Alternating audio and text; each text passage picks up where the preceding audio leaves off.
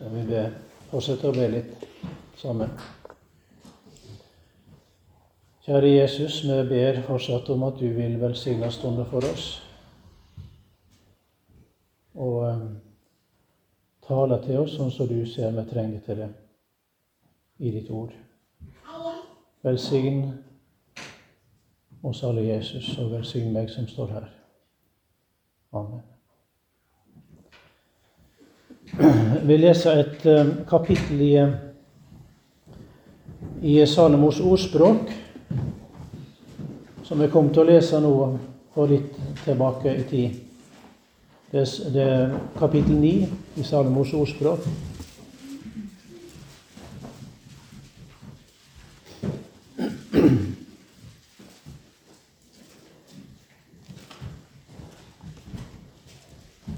Der står det i Jesu navn Visdomsmøya har bygd seg hus og har hogd til sine sju søyler. Slaktefeet sitt har hun slakta og blanda vin og dekt bordet sitt. Hun har sendt ut jentene sine, og roper oppe fra haugene i byen. Vend deg hit, du som er enfoldig. Til den som er uten hvit, sier hun, sier hun Kom, Et av brødet mitt og drikk av vinen jeg har blanda. Hold dykk unna uvetige mennesker, så skal de leve. Gå beint fram på veien og vite.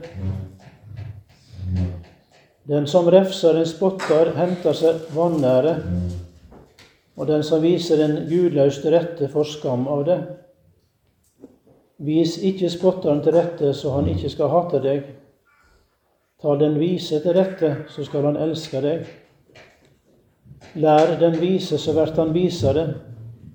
Lær den rettferdige, så går han fram i lærdom. Frykt for Herren er, til, er opphav til visdom, og kjenne den hellige er hvit. For ved meg skal dine dager verta mange, og leveår får du i rikt mål. Er du vis, så er du vis til gagn for deg sjøl. Er du en spotter, lyt du lia for det åleine. Dårskapen er ei lauslynd kvinne, bare uvit og hvitløse. På ei høgd i byen sitter hun på ei trone attmed døra til huset sitt, for å rope til det som går framom på veggen, som går sine stiger beint fram. Vend deg hit, du som er enfoldig. Til den som er uten hvit, sier hun, ståle vatn er søtt, og brød som blir ete i skjul, har en herlig smak. Men han veit ikke at der bor daudingane, at gjestene hennes er i djupaste dødsriket. Disse versene de maler for oss i korte trekk den egentlige virkeligheten det som egentlig foregår mellom oss mennesker og med oss mennesker. De fleste mennesker de vil ikke vite om det, men hvert eneste menneske er en del av dette dramaet, enten de tror det eller ikke. Og Vi hørte jo om det i åpninga, vår tilstand og vår eneste redning. Og noen av de som tror at dette ikke er virkeligheten, de blir kalt spottere og uvetige mennesker. Og de kan han ikke nå. Og han skal ikke prøve på det heller. Han skal holde seg unna dem. Det står klart uttrykt her, det. Den som refser en spotter, henter seg vanære, og den som viser en gudløs rette, får skam av det, stod det i vers 7. Jeg tror ikke det betyr at den bitreste motstander og frekkeste motstander ikke skal være gjenstand for vår forbønn og lengsel, og at han ikke blir leita etter av Gud. Det fins jo mange eksempler på det. Paulus er jo det, viktig, er det tydeligste eksempel på det.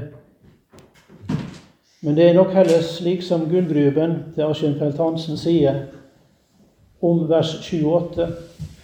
De som selv mener at de er vise, de selvkloke, dem går visdommen forbi. Av dette lærer vi at det beste vitnesbyrd for frekke, spottende syndere er ofte å gå forbi dem, i alle tilfeller foreløpig. Og ellers så nevner den samme kommentaren eh, at vers 7 og 8, som jeg leste her, det inneholder nøyaktig den samme tanke som jeg finner i Matteus 7,6, der det står 'Gjev ikke det heilige til hundene', og kast ikke perlene deres for svin. De kommer bare til å trakke dem ned med føttene sine og vende seg mot dere og rive dere synd.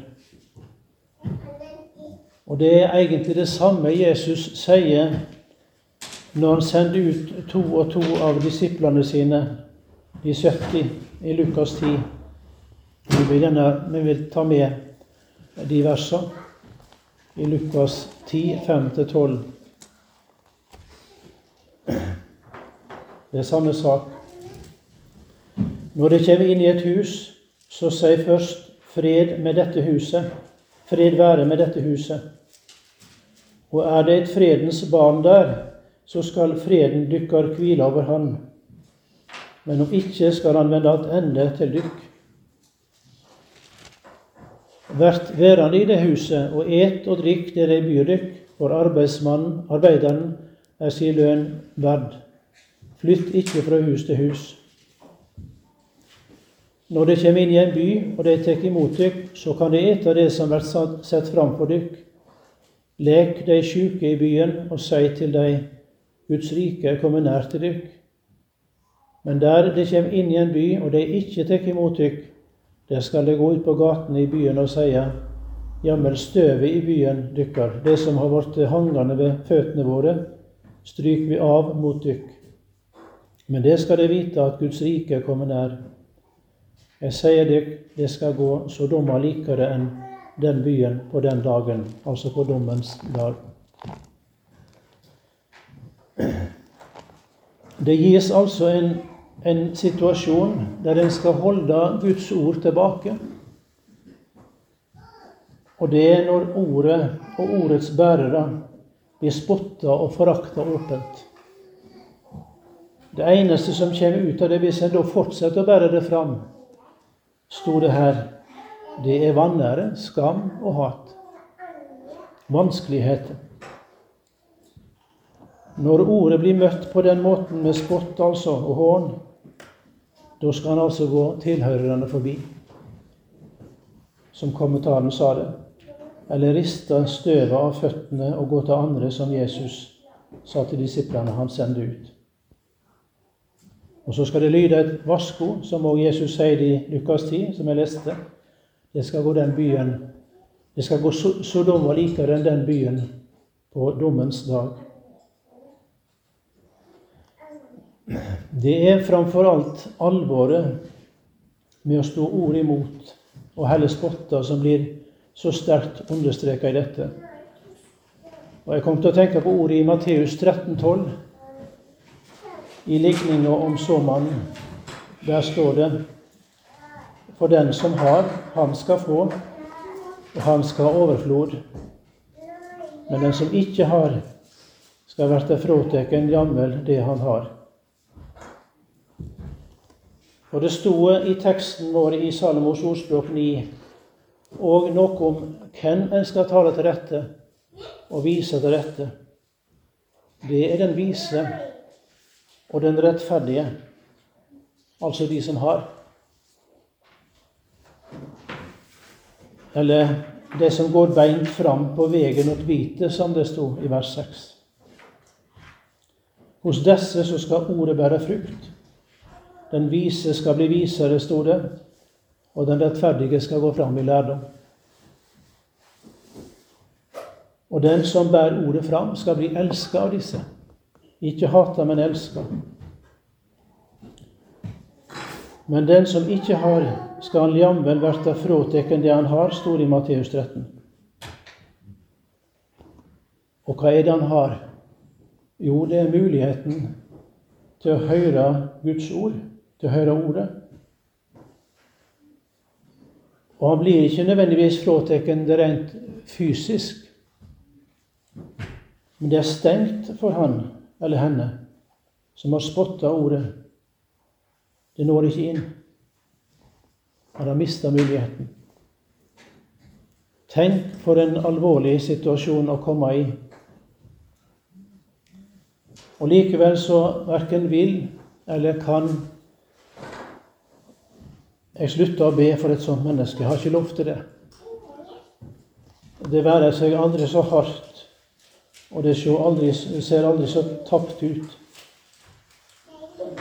For det ene så er ikke vi i stand til å dømme om, om hjertetilstanden hos et menneske, eller om nådetida er ute for det.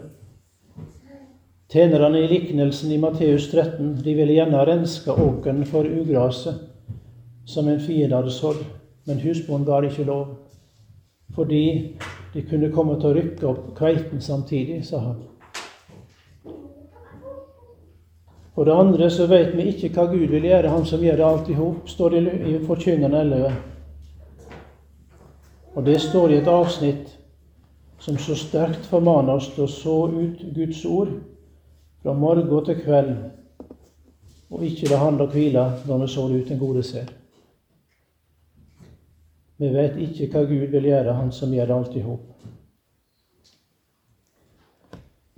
Men den virkeligheten som altså blir tydelig malt for oss her i, i det niende kapitlet som jeg leste i Salomos ordspråk, det er den åndelige reisa, eller sjelens reise, for hvert et menneske.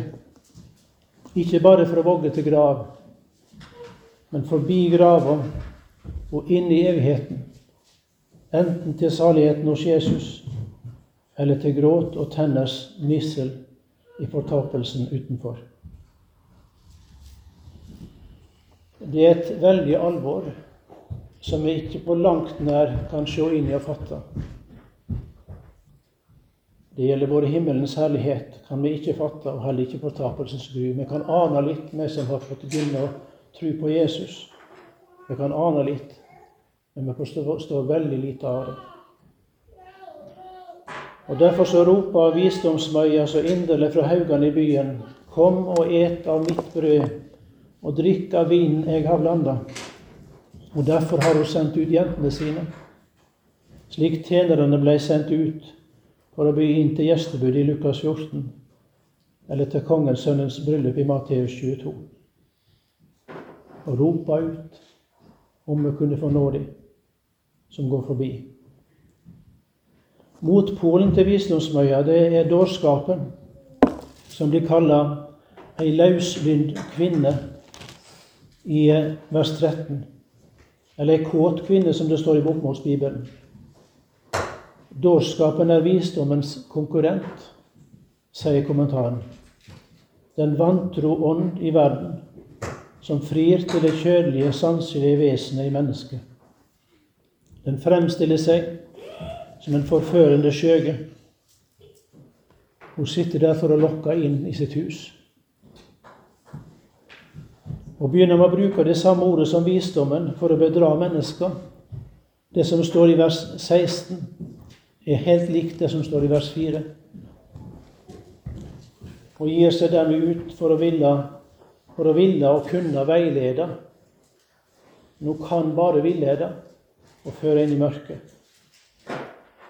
Og så vekker hun menneskets onde lyst ved sin lokkende tale om at det ståle vann er søtt. Og brød som blir ete i skjul, det har en herlig smak. Og det har jo en sannhet i seg. Det er jo sånn i denne verdens målestokk. Aschenfeldt Hansen sier i sin kommentar at det er synden som krydrer verdens glede, slik at den oppleves som glede. Han sier bl.a.: Ta synden bort fra verdens fester og fornøyelser, som ball og kortspill eller andre steder du søker hen til, så er hele gleden borte. Ta bort de lettsindige ord, det urene vesen, det tøylesløse sinn, sladderen og ondskapen, og verdens barn har ingen glede. Nei, nettopp det som er forbudt, det som mennesket stjeler seg til imot Guds vilje, nettopp det har den pirrende smak for det kjødelige mennesket. For kjødets attrå er fiendskap mot Gud, sier han der i gullgruben. På den måten altså er det sant at stålevann smaker søtt, og at brød som blir et i skjul, eller i smug, som det står på bokmål, har en herlig smak. Det var slik i Edens hage òg. Og når Eva ble dåra forført av djevelen, det står, står det at kvinna så nå at treet var godt å ete av. At det var en hugnad for øynene. Et framifrå tre, siden det kunne gi hvit. Og så tok hun av frukta og åt, og hun gav mannen sin som var med henne, og han åt. Står det om Adam og Eva i Første Mosebok 3,6. Synda, blir forherliga for våre øyne i fristelsens øyeblikk. Men det forferdelige er jo at hun ikke sier noe om hva som skjer etterpå denne løslynde kvinna, eller dårskapen, eller vantroens sånn. Men hun veit ikke heller, egentlig. Hun bare lokker og driver mennesker inn på syndens veier og hellig fanga der. Djevelen som bak, eh, er den som står bak den vantroende i verden, og dårskapen. Han veit hva følgene blir, men ikke verden sjøl. Slik kommer den forførende verden med uro og bråk og er fullstendig uvitende om livets alvorlige mål, sier kommentaren. Og hva er livets alvorlige mål? Det er en evighet. Ikke med utslettelse, som noen lærer, men med bevisst liv i en evig salighet sammen med Jesus, eller i en evighet i fortapelsens gru. Men han veit ikke at der bor daudingene og at gjestene hennes, altså til den løslynde kvinna, er i djupet i dødsriket. Hvem er det som ikke veit at daudingene bor i den løslynde kvinna sitt hus, og at gjestene hennes er i djupet i dødsriket? Det er den som har latt seg lokka inn der, og som ikke vil høre på røysta til visdomsmøya når hun kaller inn på veien til hvite. Og det syns jeg var så alvorlig å lese. Hun veit ikke at gjestene der havna djupest i dødsriket.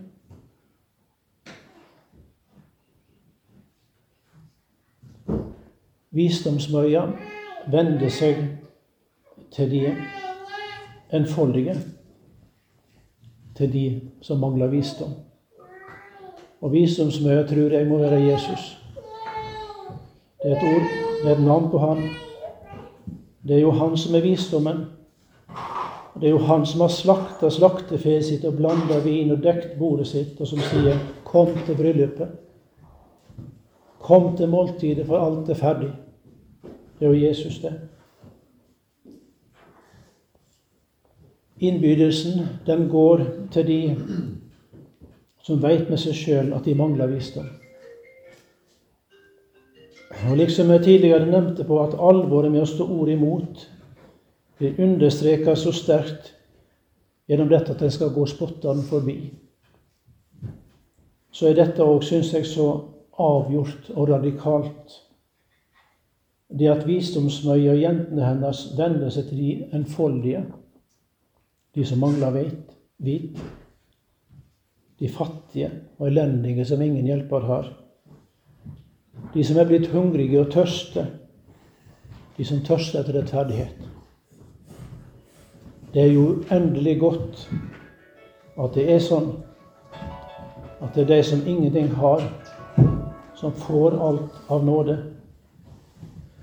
Men det er også alvorlig at det er bare disse som er i stand til å høre innbydelsen og ta imot den. Den store legen kan bare nå slike. Og det er bare slike som søker Han. fordi de har fått det vondt for sine synder. Det er ikke de friske som trenger til lege, sier Jesus, men de som har vondt.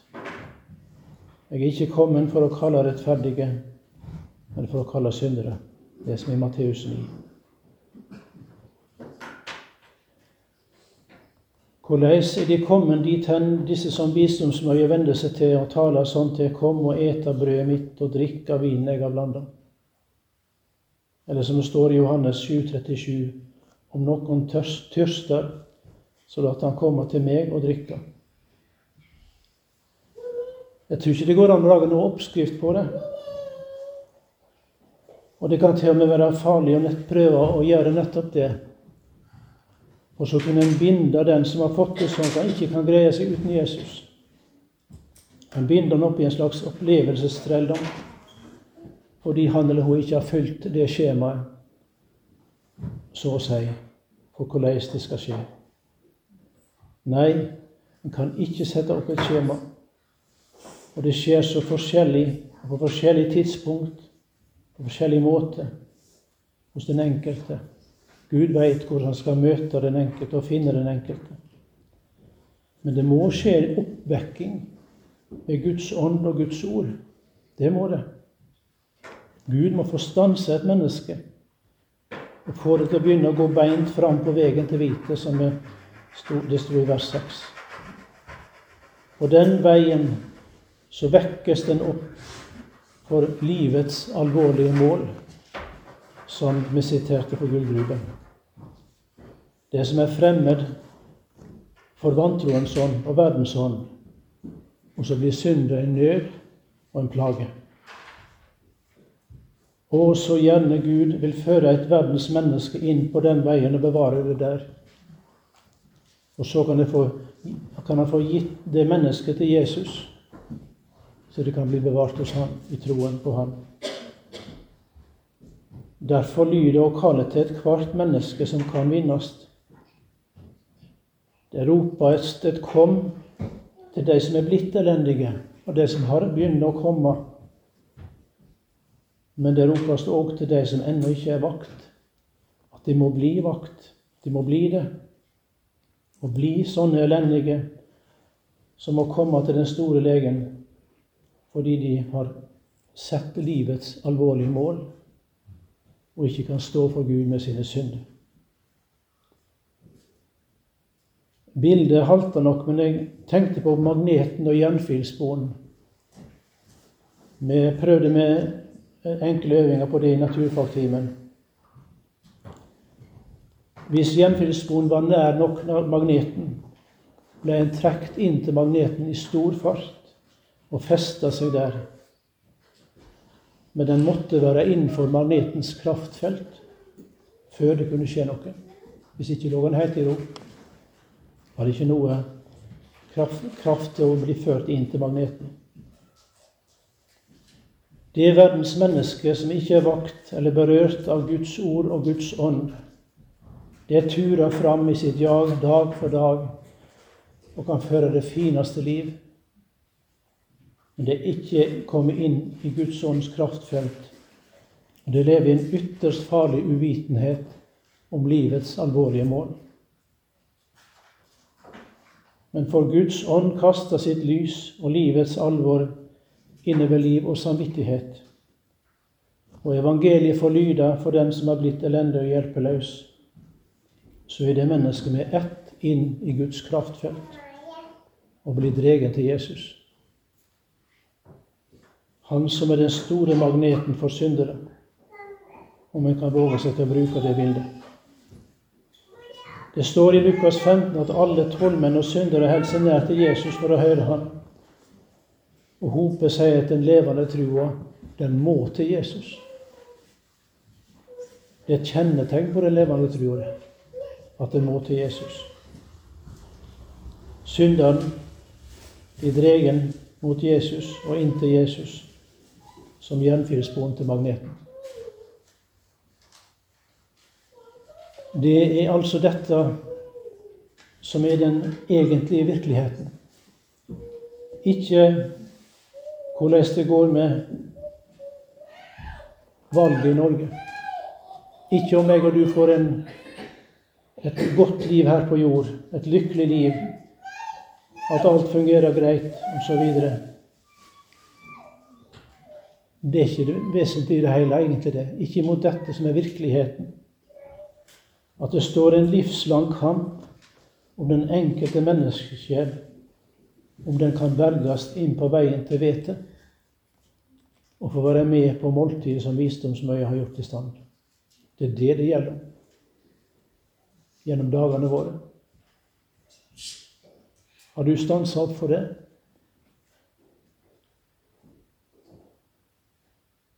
Og det er jo en annen, eller en annen som roper òg, som jeg leste. Det er dårskapen, eller den løslynde kvinna.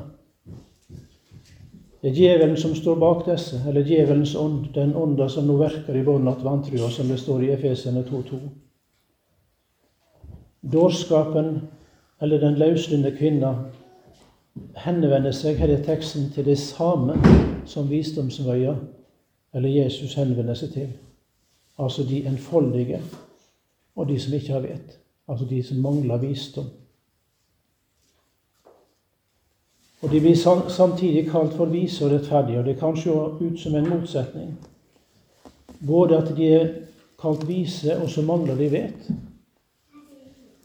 Gullgruppen sier om det, men ser vi godt etter, er det nøye overensstemmelse mellom dem. Og den sanne visdom består nettopp i å erkjenne sin egen mangel på visdom, og i ydmykhet dukke opp sitt fattige hjerte for hele fylden av den himmelske visdom. Det er disse hjerter som lengter etter Guds visdom og tar imot innbydelsen. Det minner om lignelsen om den store nattverd i Lukas 14. Der ser, ser vi at de fattige Krøplinger, halte og blinde fylte huset som gjester, sier denne kommentaren. Det er altså en uhyggelig forførelse denne løsvinde kvinna står for. Hun lokker inn til syndens svik, til det søte, ståle vatnet, og til det brødet som smaker så herlig, men som blir et i smug. Det forbudte, altså, som en aldri skulle gi seg i kast med eller gi sin oppmerksomhet. Og så er det altså troens folk hun gjør sitt framstøt mot. De som går sine stiger beint fram. De enfoldige. Og sikkert nok òg de vakte. De som kanskje går i et slags grenseland og er nær ved å nå fram og bryte igjennom de som hører til verden, som ikke har hørt Guds stemme ennå, de har hun i sin hånd fra før.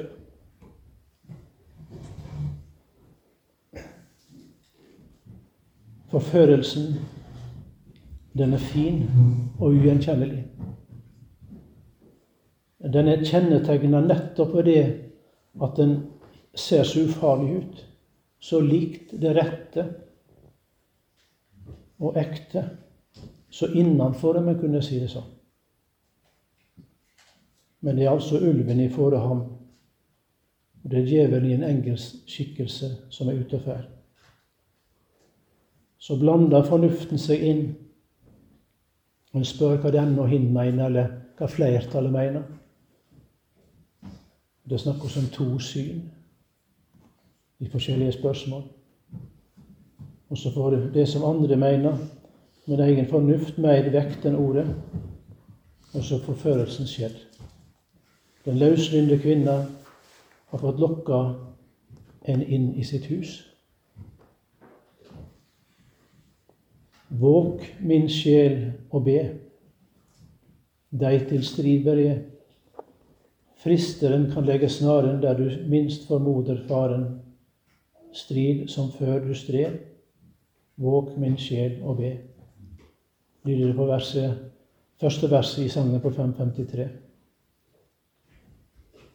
Husk at det står en kamp om din sjel, vil den sangen minne oss om. Ikke glem det. Og den kampen er ikke slutt før du er framme og evig berga. Og det er en som vil at du skal glemme den kampen. Du skal regne med at det går bra. Og så slutter du å våke. Det er faren. I Filipperne 2.12 så formaner Paulus de truende til å arbeide på sin frelse med frykt og beven. Og det er ikke snakk om å skøyte noe på den frelse Gud har gitt oss i Kristus. Men det er en kamp og en strid for å bli bevart i den frelsen. Frykt og beven det er ikke trellefrykt, men det er den barnefrykten som gjør en redd for å komme bort fra Jesus. Så er det altså dette alt dreier seg om djupest sett. Hvor skal jeg tilbringe evigheten? Eller hvordan går det til slutt? Og det gjelder altså hver eneste menneskesjel, enten en tror det eller ikke. Enten en enser det eller ikke. Og de fleste enser det ikke. Det er en helt uaktuell sak. Og så går det mot en evig fortapelse. Midt i et ofte pent og pyntelig ytre sett vellykka liv. Døden innhenter de, og så er det for seint. Det er alvoret. Men hva så med meg og deg som tror? Er dette virkeligheten for oss, sånn som det skulle være? Jeg må bare svare for meg sjøl, men jeg kjenner på hvor likegyldig jeg er i forhold til det. Hvor lite dette ligger på meg. Hvor lite jeg makter å ta det inn. Så må det bli vår bønn at vi får være vakne og redde for syndens bedrag hos oss sjøl. Hos våre medvandrere på himmelveien. Og at Jesus kan få drive oss mer inn i sin nød for de som går borte fra ham vi kunne få eie mer av Hans frelsersinn. For Jesus har nød for de som går uten hyrde, og det er godt å vite. Det ser vi overalt i Guds ord, bl.a. i Matteus 9, 36-38. Jeg tenkte vi skulle lese de versene òg. Der står det i vers 36.: Da han så folket, tykte han inderlig synd i dem, og de var herja og forkomne som sauer uten hyrding. Da sa han til læresvennene sine, grøa er stor, men arbeiderne få. Be de for ham som eier brøda, at han vil at han driver arbeidere ut til å hauste inn brøda si. Han tykte hjertelig synd i dem, for de var herja forkomne som sau uten hyrding, sto det om Jesus. Det var sånn det skulle være med oss òg. Mer enn det. Når vi ser de som går borte fra Jesus. Og så ber han læresvennene være med og be arbeidere ut og hauste inn grøa. Så er det til oss òg. Be høstens herre å drive ut arbeidere til å hauste inn grøa si. Og det å gå når høstens Herre kaller, det er òg til oss. Til deg og til meg. Når Han ber oss å gå ut i vindgarden og være med i arbeidet, og ikke stå ledige på torget.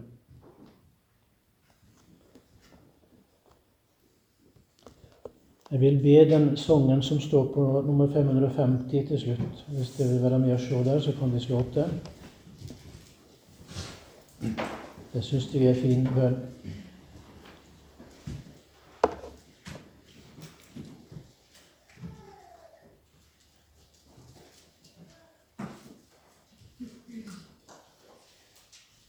Tenn meg, Jesus, la meg være, hver en dag et lys for deg. Alltid leve deg til ære, led meg du på all min vei. Gjør meg villig, varm og våken. Kjære Jesus, led meg frem. Gjør meg til et lys i tåken som kan lede andre hjem. Gjør meg sterk når verden vinker og meg bort fra deg vil dra. Løft mitt blikk når motet minker mot det mål som du meg ga. Aldri, aldri skal jeg angre at mitt liv, min vår, du fikk. Glad og trygg jeg frem vil vandre på den vei som før du gikk. Ja, kjære Jesus, vi ber om det, at du må tenne oss i brann og holde oss våkne. Du ser det så lett å sovne blir likegyldig og kald, Herre. Det ber vi om. Du ser farene. Du ser den forferdelige ånd som strømmer innover landet vårt. Herre, må du hjelpe oss til å holde oss nær til deg, til ditt ord, og holde oss våkne. Amen.